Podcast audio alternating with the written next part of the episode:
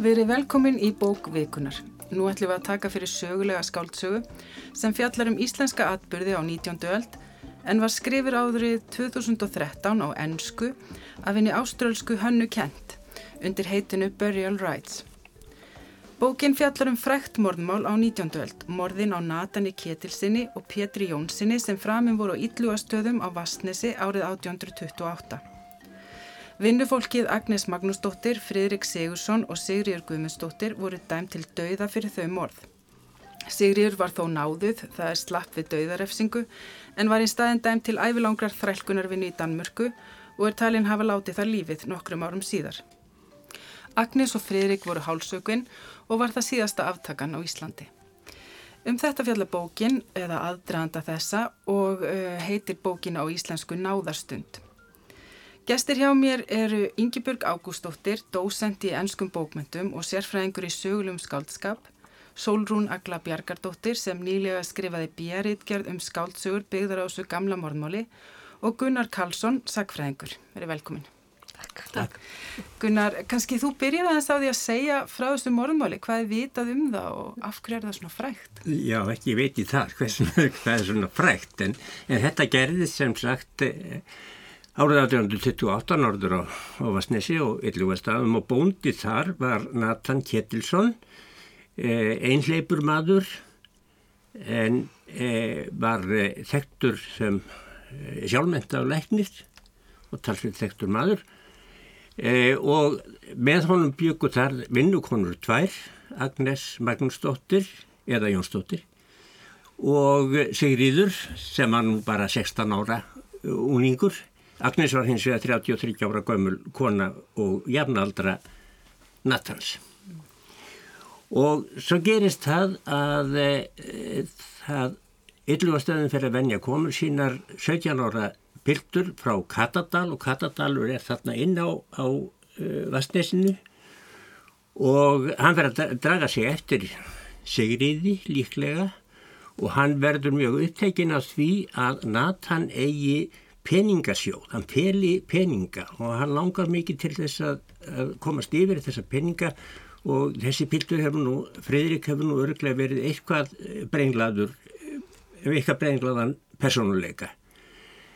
En svo gerist það í mars 1828 að Fredrik kemur á kvöldlægi að yllugastöðum og eh, hann hittir þær vinnukonurnar og eh, verðist bara segja þeim að hann ætli að drepa Nathan og eh, finna fjörsjóðin og eh, þær fela, fallast á það að fela hann út í fjósi meðan að Nathan sopnar inn í bastofu og það var geskumandi maður þarna líka á yllugastöðun sem Pétur Jónsson frá Getaskarði Nefna að þetta gengur eftir og e, þegar þeir, e, Nathan og, og Petur eru sopnaðir þá beður Fridrik inn í bastofuna með hamar og lemur það báða með hamri en tekst ekki að lemja þá svo að þeir missi meðvitund, verðist vera og þá tekur hann upp nýf og stingur þá í kviðin. Nú til þess að fela þessi, um, þessi ummerkju um verknaðsinn þá uh, kveikir Fridriki í, baðstofunni. Og, og þetta e, þær flýja e, út af batnanda líka á staðnum e, flýja út og það er, það er þeir láta hefstjóran vita.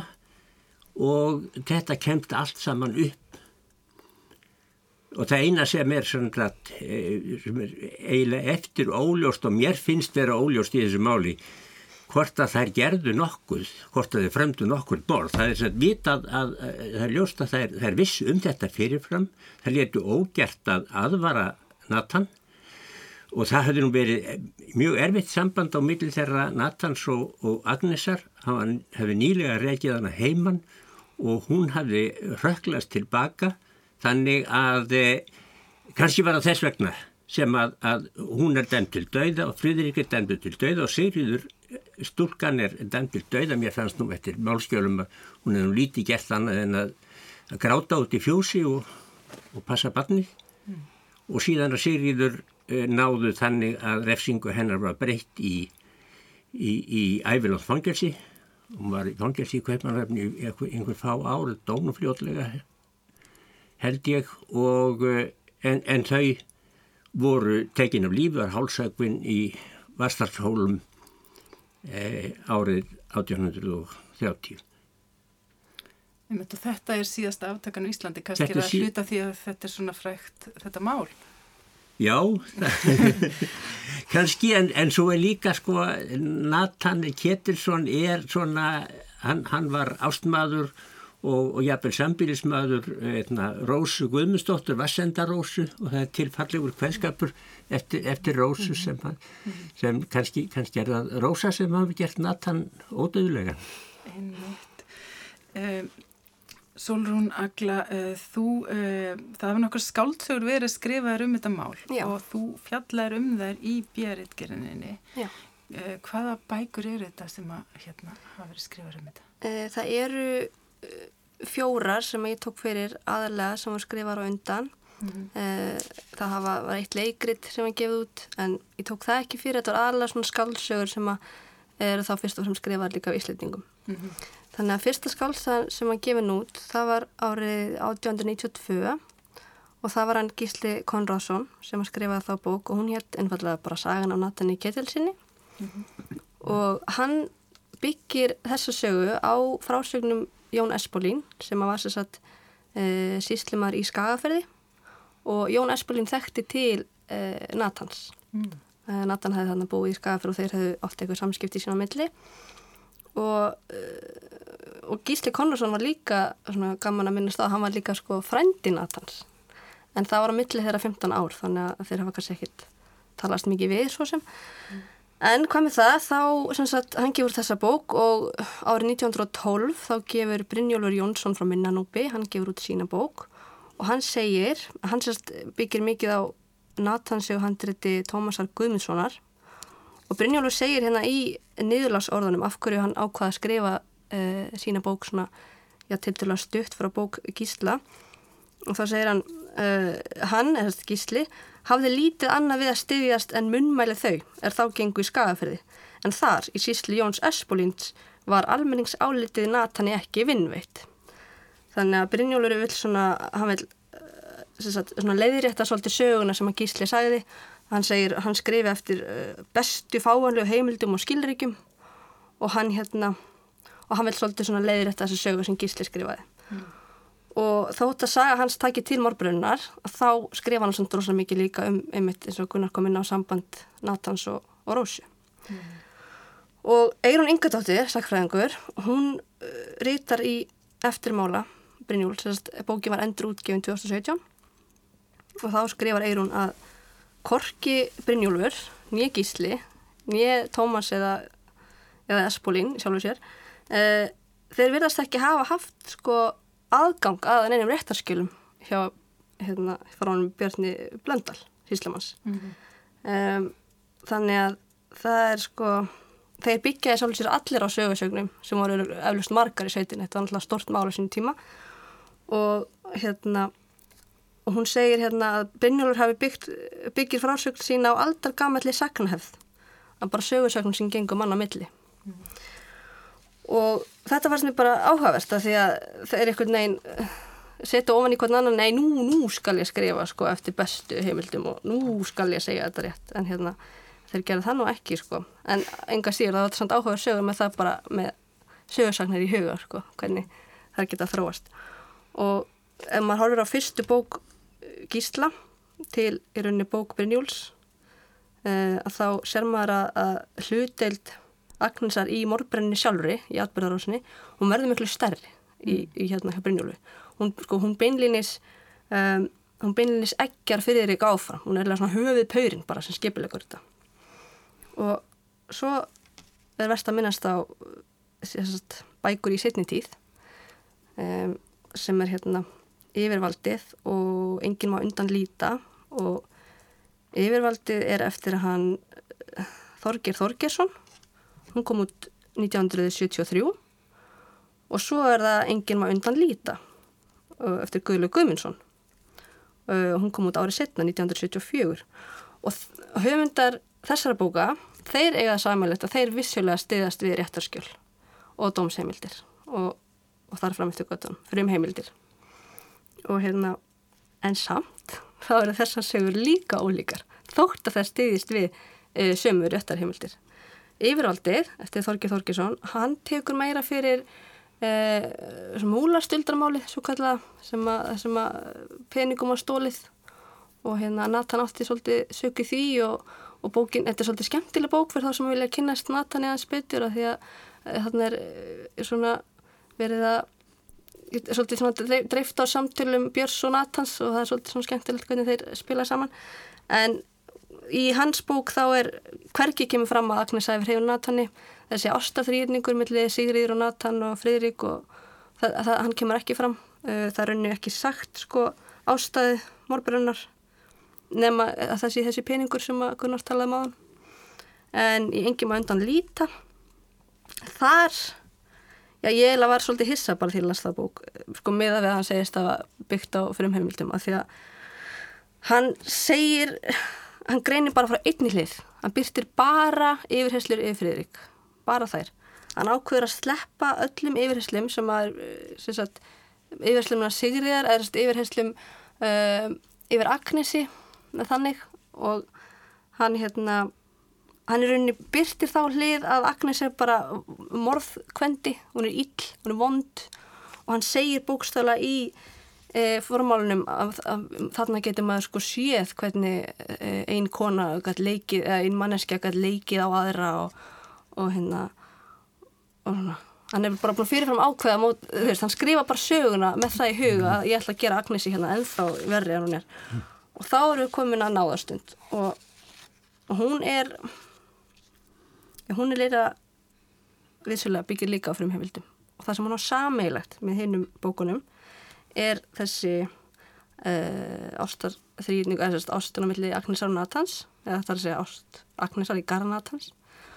Uh, en það sem hún gerir öðruvísi er að Agnes verður einhvern veginn mannlegri. Við sjáum, við sjáum hennar sjónarhótt uh, allar aðra skálsögur eru frá við sjáum Agnesi með augum annara en í náðastund og þá er sjónahórnið Agnesamein svona í fyrsta skipti held ég í öll skálsum um þetta mál og við einhvern veginn fáum smá henni við lesendur og morðstundin sjálf þar sem að Agnes er hérna í baðstofunni og hún gefur Natani náður höggið að svo stund verður einhvern veginn e, ljóðræn einhvern veginn, hún verður svona hálf falleg, þetta verður einhvern veginn já, náður höggið fyrir Natani og hann horfir á hana og hún tólkar þetta sem fyrirgefningu er þetta fyrirgefning, ég veit það ekki við erum að tólka það, en þetta er svona harmþrungin kona að missa mannin sin, einhvern veginn mm.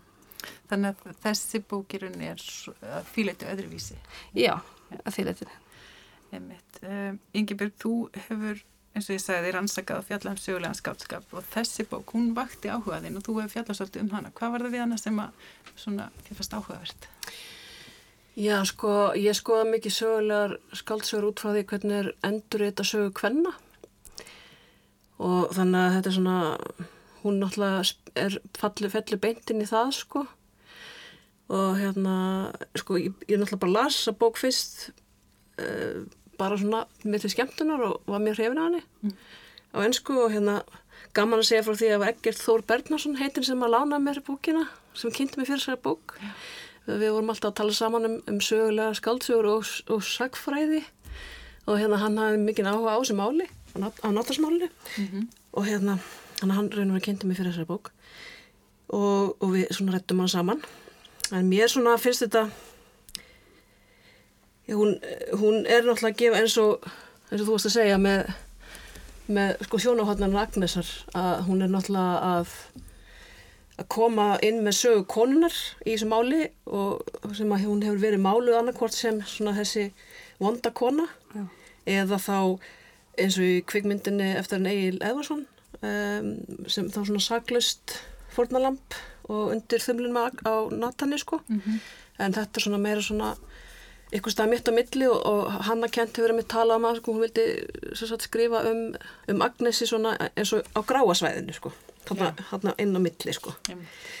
og, og hún er líka um leiðirinn að náttúrulega að skapa rými fyrir hennar sögu sagt gegnum skáldskap. Uh, sem að uh, sögulegu skáldskapin gerir mikið af uh, að, að skapa rými fyrir sögu sagt það, það er mjög svona hérna áberandi uh, í sögulegum skáldskap. Um, og í raun og veri er þetta bara há pólitísk tól sko, sérstaklega hjá hvern rithöndu sem er að skapa rými fyrir konur í sögunni sem að eru fjarlægar í, sö- í sögulegum heimildum. Endur þetta söguna því hvað leiti, já. gegnum skaldskapin þá. já, endur þetta söguna sko. Þannig að hérna að þetta svona brýtur niður sem múra sko og hérna sýnir hvernig sko hversu svona hlutræk sagan í raun og veru er sko og þetta, já, vakti mikið áhuga mér líka sko lýsingarnar á landslæginu og veðrinu og mér finnst þetta mjög, það er mjög sterkar lýsingar á landslægi og veðri og, og hérna og þetta er mjög stór þáttur svona í persónusköpuninni, viðst mér. Og líka svona hvernig þetta hérna um, sýnir einangrunina hver, hversi einangra fólk er og þessu náttúrulega þessi kapla sem gerast illugustöðum það er svona svolítið svona klostrofóbía sko þannig sem svífur yfir vefnum hana. Aftur þá langar mig að fara á staðin. Ég, verði að fara að sjá það verður mjög gaman sko. En einmitt, þetta er svona svolítið ljóðrætteksti á stundum. Mm. og Hanna Kent, hún var 17 ára skiptinum í Skafafyrir þegar hún heyrði fyrst sögunum Agnes og Nathan og bókin hún var fyrst verkefni í rítlistanámi en náðastund hefur fengið tilnefningar til Ímessa veluna og hún hefur líka fengið áströlsk bókmentavelun og íslensk þýðing Jóns Estja Kristjánssonar á bókinni eh, hlaut líka tilnefningu til íslensku þýðingavelunana 2014. Skulum aðeins heyra brotur þeirri þýðingu. Ægilegir fuglar, rauðklættir með silfurnappa á bringu, með hausundir flatt og kvassan gogg sem leitaði sektar eins og berja á lingi. Þeir meinuðu mér að segja frá því sem gerðist með mínum hætti, en tóku þessi stað minningar mínar um illugastadi og natan og unnu úr þeim eitthvað vofeflegt. Þeir affluttu sögu mína af þessari nótt og letu mig virðast vonda mannesku. Allt sem ég sagði var frá mér tekið og því umturnað uns sagan var ekki lengur sagan mín. Við heyrðum hér Sigriði Steffensen lesa úr náðastund eftir hannu kent. Það segi frá síðustu vikunum í lífi Agnúsar Magnúsdóttur eða Jónsdóttur þar sem hún er fangi á bænum Kornsá og býður aftöku. Agnes rifjar upp æfi sína og aðdraðanda morðana á Natani Ketilsinni og Pétri Jónsinni sem hún var dæmt fyrir að eiga þátt í. Þetta ger hún stundum í samtölum við prestin Tóta og húsfreyjuna Margreti en það allra svæstnast á hún ein með sjálfur sér. Eh, Lesandinn fær bæði hennar fyrstu personu sjónarhótt og þriðju personu frásögn þar sem stundu kemur fram sjónarhótt annara hvað varðar Agnesi og atbyrðina. Og eins og við heyrðum þarna þá er líka innslög þar sem koma til dæmis eins og vísur, vastenda rósu eða það var líka þarna sálmur, allt eins og blómstri eina þannig aftarlega þannig að það er líka kemur inn í svona einhver kveðskapurinn á milli. Já, og, og bref sem, að- sem ég finnst, Já. ég, já, sem ég finnst eh, vera ofsalega flott eh, svona raunveruleika tenging. Þeir kemur allt í einu bref frá ein, einni personu til annarar og yfir, yfirvald, milli yfirvalda og, ramma svona inn söguna sko já, líka, og minnir einhvern veginn á að þetta er hún er að auðvitað sjáum við þetta skálskapur, það á það ekki vera neitt annar en, en þetta tengst bara tenging við sögulega raunveruleikan, hún er mjög, hún er mjög snirtilega gerð, finnst Já. mér með, með þessum Já, þetta er þessi sagfræðilegi svona Mm. raunveruleiki eða, Mm, eða mm. sannleikur og, sem svo og, og náttúrulega og Kent talar líka einmitt um það að hún vildi skrifa sem sagt, tilfinningalegan sannleika sem sagt, í sögu Agnesar sko, það, the emotional truth sem sagt, það er skaldskapurinn sko. Það er hún er að reyna að komast nær svona, svona tilfinningalega sannleika en ykkur finnst þetta ganga Já. vel hvernig hún notar heimildirnar og fléttar þar inn í, í Já, henni frá söguna. Já. Eh, Það er náttúrulega margar leiði til að skrifa sögulegan skáldskap Engibjörg, en hvað finnst þér um þessa leið sem að hann að kent fyrr? Getur þú svona eitthvað um Mér finnst þetta, þetta tala um þess að ramma þetta svona inn til dæmis Já. og bara svona yfir Já. höfuð þar að þeirri sem hún notar Já, mér finnst þetta sko, hún náttúrulega, þetta var doktorsverkefni, þessi bók Mhm. sem hún, hérna, sérst, hún vann hann upp úr doktorsverkefni í skapandi skrifum og hún var að rannsaka sko hvernig samtífum bók myndi fara með sögu hvenna sem myrða. Það var sérst efni sem hún var að rannsaka. mm. Og hún hefur náttúrulega, sko, hún er undir miklum áhrifum frá Margaret Atwood. Margaret Atwood skrifaði bók sem heitir Alias Grace sem kom út uh, 1996 og sko hún rammar söguna líka svona inn sko með svona úr domskjölum og brefum og skáldskap og ymsu sko. Þannig að greinlega fyrirmynd þar. Uh, frásagnar hátturinn líka þessi trúnaðamaður sem að Agnes er prestinn og hérna Grace sem er líka dæmt fyrir morð er með þarna lækni sem trúnaðamann mm. og svona það er mjög margt sko sem að svona að svipað Já. en hérna mér finnst þetta virka mjög vel hjá hann hannu sko sem sagt uh, sem við segja með þetta með þetta, þessi, þessi þurri sannleikur og svo þessi tilfinningarlegi sannleikur sem að spila vel saman sko mm -hmm. Verður kannski meira, mjög áhrifaríkt. Já það verður mjög áhrifaríkt sko. Og svo er þetta mjög ljóðrænt sko, miklu, sko allavega á köplum sko. Mjög, mjög ljóðræn frásögn.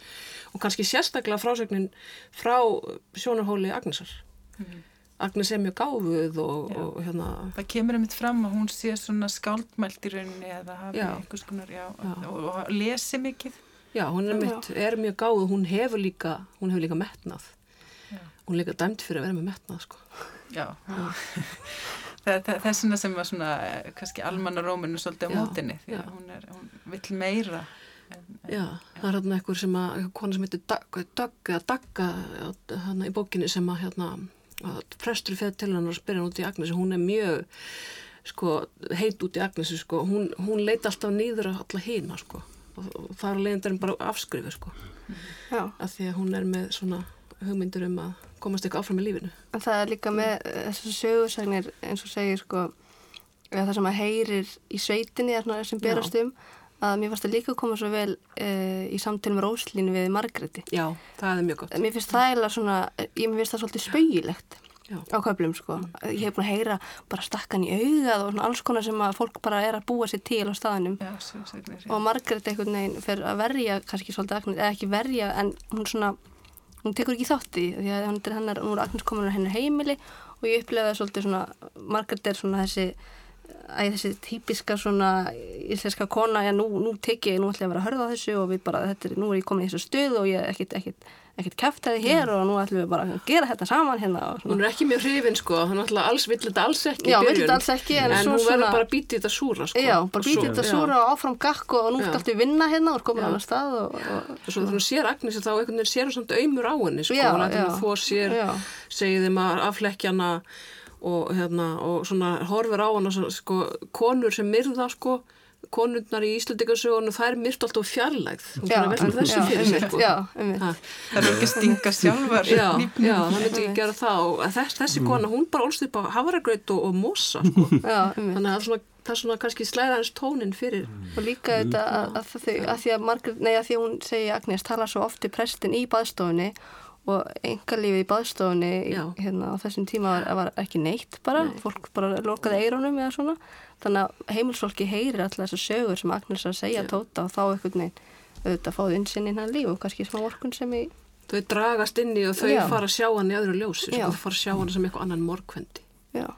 Eiginlega, mér finnst eiginlega Margrét vera eina af aðal personum. Hún er svo treg, hún er svo ófús og, og hún veit ekkert sjálf að alltaf þegar að skest í otta þá stendur hún með Agnesi bara því að það er, það er tilfinningarlega afstæða Já, já, er einhver svona réttlættiskenn en, en, en, Já, já. en með, með svona, svona afsalega óhrifin af, af því að, að vera í þeirri stöðu þar sem að þú sér að Tóti, hann, hann gerir eiginlega ekkit annað en að að hlusta. Sem, sem auðvitað er, er Lausn er ákveðin lausn og, og, hérna, og, og það er líka annar alberti kapli bókarinnar þegar Agnes Lóksins lesir frá stjóðunni segir frá uh, hérna, sínu áfalli þegar, í bensku Já, og missir, missir fórtur sína það er, já, það er mjög sterkur kapli sko. rosalega vel skrifað og hvernig hún notar einmitt þarna kuldan og veðrið og allt mm. þetta sko, þess að þegar hún opnar hörðina og vindurinn næðir hann inn og og henni tekst loksis að hún er að reyna að loka henni og það tekst ekki sko og svo loksis skellist hún aftur og segir það var samt þess að hefði ykkur vofa komin í bæin sko mm.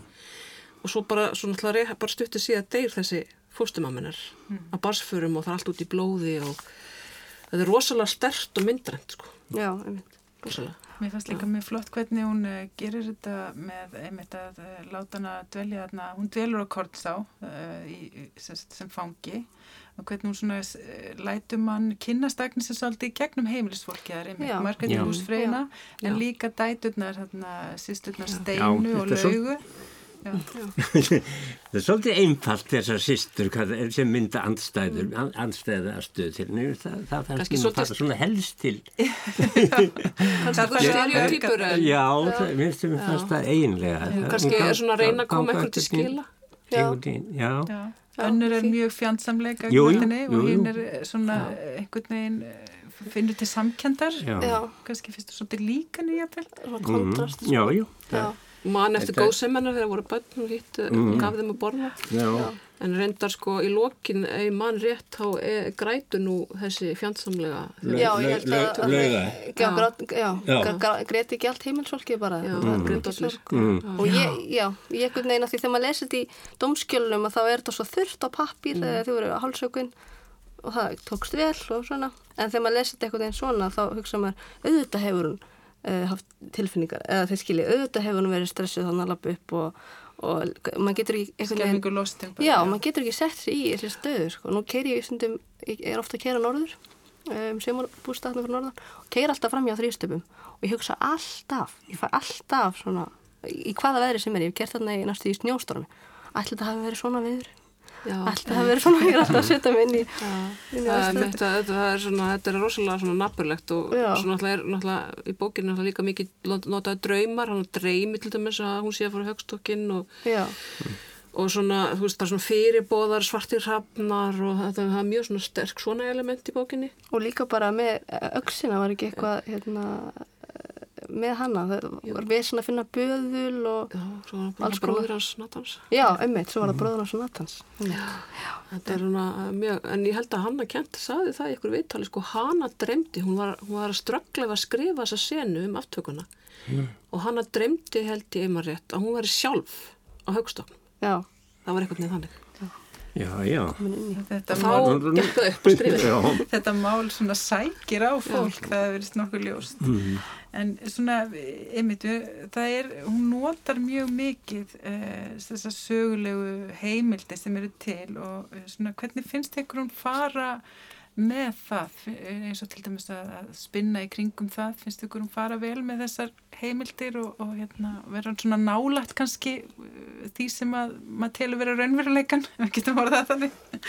Já, mér finnst hún ná alveg ótrúlega langt með að, að sína manni 19. aldar sveita raunveruleika þessi, þessi, þessi kona sunnan úr Ástralíu, það er alveg með ólíkindum. Ég veit raunar að, að hérna hún er, þetta er bara íslenski textin sem ég hef lesið og, og hérna mig grunar einhvern veginn að, að, að þýðandinn hann Jón Esti Kristjánsson hann hafi passað upp á hann að, Já, það hefur nú örglega verið svolítið uh, hérna, mála þýða þetta einmitt því að þetta er skrifað á ennsku mm, síðan á þetta gerast á 19. öld þannig að hvernig Já, mála já. ætlar að nota hvernig svona fannst ykkur, uh, nú hefur Ingebjörg, hefur þú lesið bæði ennsku? Já, ég lesi hluta á hann í íslensku og mér finnst þetta bara mjög flott þýðing, sko. Hún er rosalega Já. flott. Það er eins og hún sé í rauninni skrifað á íslensku Já.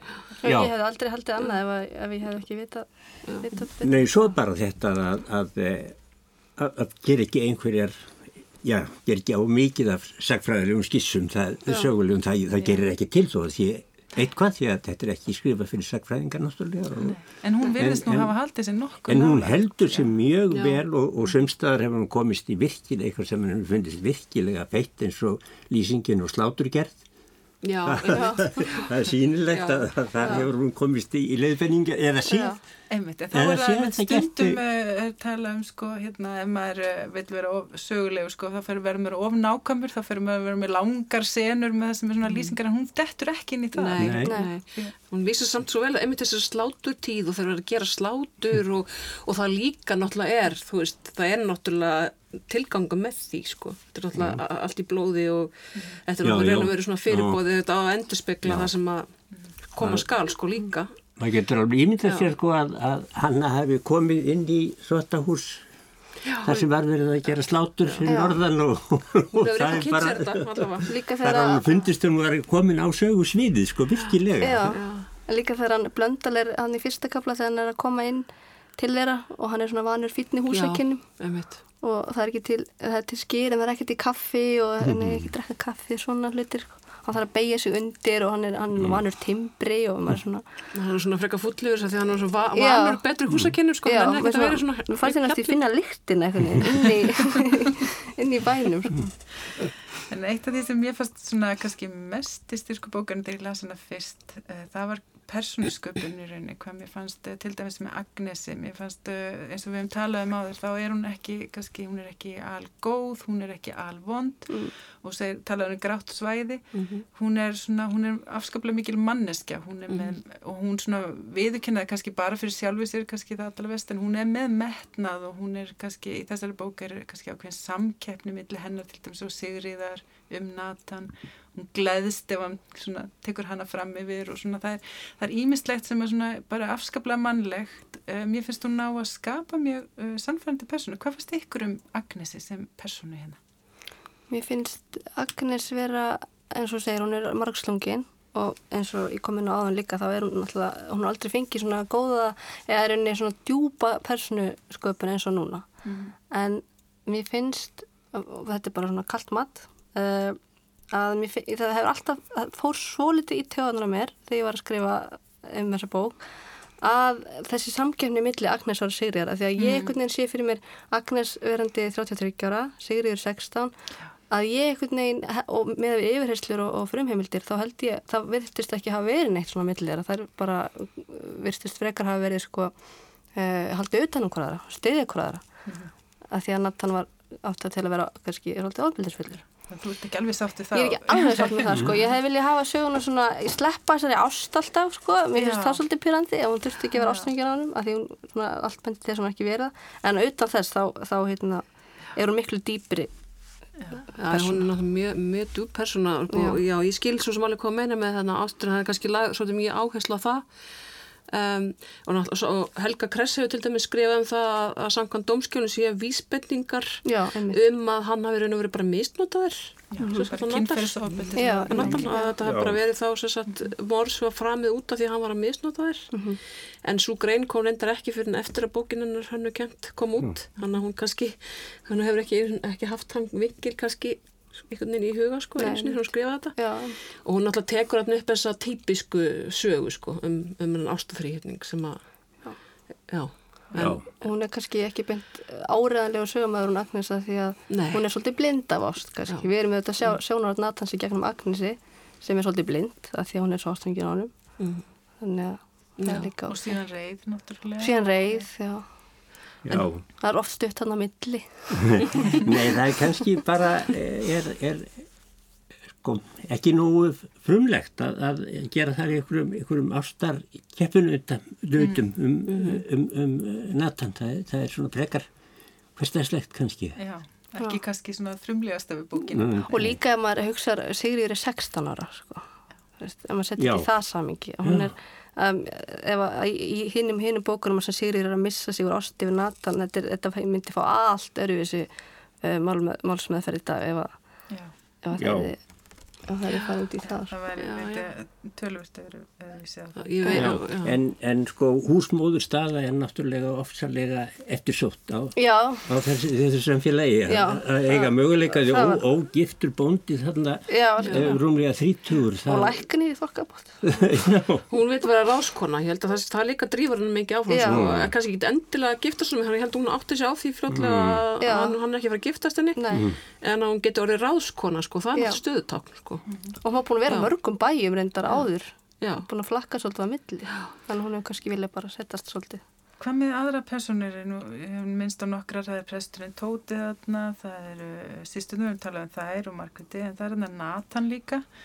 Uh, það er svona drein upp ákveð mynd af honum kannski sem svona flagara í raunni og svolítið svona, já, hann svona tækifæri sinna kannski og já, hva, hvernig fannst ykkur til dæmis hann koma út?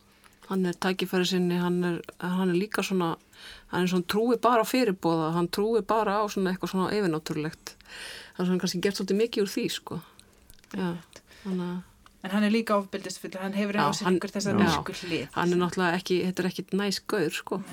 Nei, er, hann er skaplega einföld persóna líka, sko. Það Já, Já. En uh, ekki mikið dýft, sko. Nei, spurningin líka með sekt og sagleysi þegar svona fyrst þegar maður er að, að eða þegar maður lesa þessa bók, þá tekur hún ákveðna afstöðum þá, hún hérna hver gerði hvað í þessu morði, sem er kannski Já. oft verið það sem fólk svona hefur verið að velta fyrir sér, hver, hver uh, vissi hvað og hver gerði hvað en hún tekur ákveðna afstöðu, hann að kent hvað svona fannst ykkur um það um, uh, það eins og myndist á áðan uh, Solon, þá er þetta svolítið flott gert í að hún kannski Agnes verður gerandi Já. en um leið fær maður saman með Já, að því því að á þessari stundu, þessari, hún einhvern veginn flettist inn í atbyrðurásuna, er að vissuleiti fórnalamb og þegar hún, er, hún veitir Natani náðarhauki en, en á þeirri stundu þá er þetta einhvern veginn réttlætanlegt. Man getur réttlætt þetta á þessum uh, tímapunkti.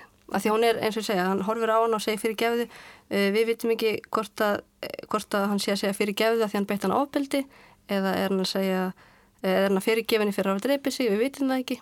Þetta er svolítið svona, já, maður, maður er eiginlega, þetta er ekki svona svart og hvít, sektu það sægleysi. Svo líka náttúrulega eig- eigum við kannski ekki endilega að taka allt trúanlegt sem Agnes segir, sko. Nei, hún, einmitt, hann kentur hún tekið það fram, sko, við Já, með einmitt. trúinni. Sem að, þú veist, hún er náttúrulega hefur kannski sínar ástæði fyrir að hún getur alveg haldið ykkur tilbaka, sko. Já, og líka hún, hún var auðvitað elsta af þeim friðri hvaðan 18 ára, fyrir 16 eitthvað svolítið, þannig að, að, að, sko, að öllu sleppt á er Agnes elsta. Hún á að hafa viti fyrir þeim, hún er eh, svona ábyrðar aðalinn í þessu. Og Pétur hafði ekki gert neitt, hann var bara gestkomandi hann á bænum. Þannig að, þetta ekki sko. En, þe- en 2017, þegar var rétt að aftur í þessu máli hann að löffræðingafélagi, þá var, fekk máli, þá var hér sem sagt Sigriður held ég Var hún ekki bara síknuð? hún var síknuð og þau fengu minni, minni dóm, Agnes fekk allan minni dóm að því að það var tekið, það var talið þeim til málspót og þetta ábeldi sem þær átti að hafa leiðið á Garnatans. Um, svona lókum þá hérna langar mig að spyrja við um aðeins tala um persónusköpun þeir eru kannski alveg sammála mér um að það sé sterkast við bókarina því að hafi nefnt þetta með að, að hérna draga fram sögu kvenna, það sé svona svolítið stór þáttur, eitthvað annað sem ykkur finnst svona að vera sé, ge, mesti styrkleiki þessara bókar mér finnst eiginlega efnið persónusköpunum, mér finnst það hvernig hún dregur upp eins og ég nefndi Margréti á Kortsá að, að hún, það, það er mér finnst það meistarlega gert hvernig hún Já, og, ra- og raunar Agnes sjálf sko. Margrét og Agnes. Margrét er, Standa hún var mjög skemmtilegur karakter Mm. í þetta. Og það er alltaf Margrét sem Agnes segir frá í lókin, sko. Það er ekki Tóti, það er ekki Persturinn, nei maður rétt. Það er Nei. Margrét sem hún segir þessa, þessa Já. sögu, sko. Og Agnes eh, Af hvað gerðist, sko. gerir þetta segði það ekki fyrir Margréti, eh, fyrir hóstan Já, sem hún var alltaf með já. og það myndast ákveðir svona, já, svona konur í, í konur í, í, í hvað segir maður, í auðm, auðmar konur saman. Svona, Já. um, já hérna, mér langar að spyrja þess Gunnar, lestu mikið af hérna svona sögulegum skáldskap er þetta svona, Nei, ekki, ekki Eh, mikið. Nei, ég, það, það er svona... Ég las þessa bók þegar, þegar hún kom á, á, á íslensku og ég man ekki alveg hvers vegna ég, ég gerði það en það er svona tilvíðin svo lítið já, ég hef ekki sérstakar mætur á þeim og, og afskaplega gaggrínin á það sem ég finnst vera sögulega ránt og það eru villur í þessari bók. svo Það, já, það, þú reynir að líta fram til því. En ég, ég teka bara ekkit alvarlega sko, ég leta það ekki spilla fyrir mér. Ég bara nefnt sem dæmi að, að Agnes er látið ríða í nakk á aftökustæðin já, og hún, það getur ekki Það hefur verið sögl, já já, fyrir, fyrir svona svona leikmynd. lítilega Já, sem ég hef ekki fatt að þetta, ekki, nei, þú ert ekki vönn að ríða nei, í sögli nei, ég get ekki sagt það. hvað með ykkur er, hvað finnst ykkur svona Varðandi sö, sögul, já, sögulega. sögulega skáldskap svona, þú náttúrulega Já. er, er, svona Ég er í- náttúrulega að skoða þetta kannski minna út frá því hvað er akkurat í sögunni og hvað ekki þó fara Já. náttúrulega rosa pyrrudraman ef það fari mjög mikið sko Já. illa með þú vilt að það sé svolítið Já. svona, passað upp á Já, það en það verður samt alltaf að skáldi eðurnar og, og hérna, það er náttúrulega, hérna, það verður að vera rými til þess og það er náttúrulega, ef það eru gött í þessari sögu þótt að sé, hafi gerst á 19. öld, þá er samt fullt af göttum hann sem maður hægt að skálda í, sko. Já, Hérna, mm. og svo náttúrulega eftir því sem að fyrir aftar í sögunni þá verður meira göttum til að skáldi en hérna Er það skemmtilegra ef það eru fleiri gött til að skáldi eða? Ég veit ekki, það, það fer eftir hvernig það er skrifa sko. Góður höfundu getur kannski búið sem er plási hverju sem er eða Já, ég held það sko en ég, ég held líka bara þessi bók hefur hatt svolítið áhrif sko. Hérna, hún var rosalega fræð út um allt sko, mm. rosalega mikið skrifaðan á mjög vinsal ellendis mm og, og stundum bara tekið sem, sem dæmi svona Nordic Noir sem er nú reynum verið svona kannski, þú veist, ekki alveg hérna málið, mm. en ég heldur að það hafa bara haft áhrif á aðri rítvönda sko sem hafa byrjað, ég veit um til þess að það var tvær nýlega bækur sem eru sögulega skálsögur sem gerast Íslandi sko. Sem að allavega önnur þeirra öruglega, mm. hún minnist á hennu kent og þessa bók sko í eftirmála á höfundur sko skrifið á ennsku skrifið á ennsku þannig að hún hefur haft svolítið áhrif. Já, fólk að koma til Íslands að skrifa um sögulega fórtið hér. Mm. komið því Sólun þú náttúrulega hellir út í þetta í bíaverkefninu og kann allar þessar sögulegu skáldsögur. Ertu komin alveg að kaf bara? Nei, nei ég myndi ekki að segja það. Um, sko að því ég tók þjóðfræði sem aukagrein í háskólanum og þá bendi Dagni Kristjánsdóttir leifbændu minn mér á mm. þetta, þetta er svolítið tengið þetta saman sko. En ég, ég það fór alltaf smá í mér þetta, þetta ástar samband Agnesar Natans þegar ég svo kom staði til dæmis með Grein Eggert Já, hann var, mjög, hann var mjög pyrrað út í þetta. Pyrrar, já, ég pyrraði svolítið með honum já, og það, það svona gæti ég ekki einhvern veginn fengið að höstna með til að lesa þessa bók en, en enga síður þá er þetta mjög góð bók sem er alveg verðt að mæla með. En svo lengi sem fólk kynni sér fyrir umheimild, þetta er mér. Það eru fín loka orð og við ljúkum þar með umfjöldunum bókvikunar náðar stund eftir hennu kent í þýðingu Jóns Esti Kristjánssonar. Gestir þáttur eins voru Gunnar Karlsson, Yngibjörg Ágústóttir og Sólurún Agla Bjarkardóttir og ég minni á heimasíðu þáttur eins rúf.is skástreik bókvikunar þar sem áfram á nálgast viðtöl og upplestra. Verið sæl.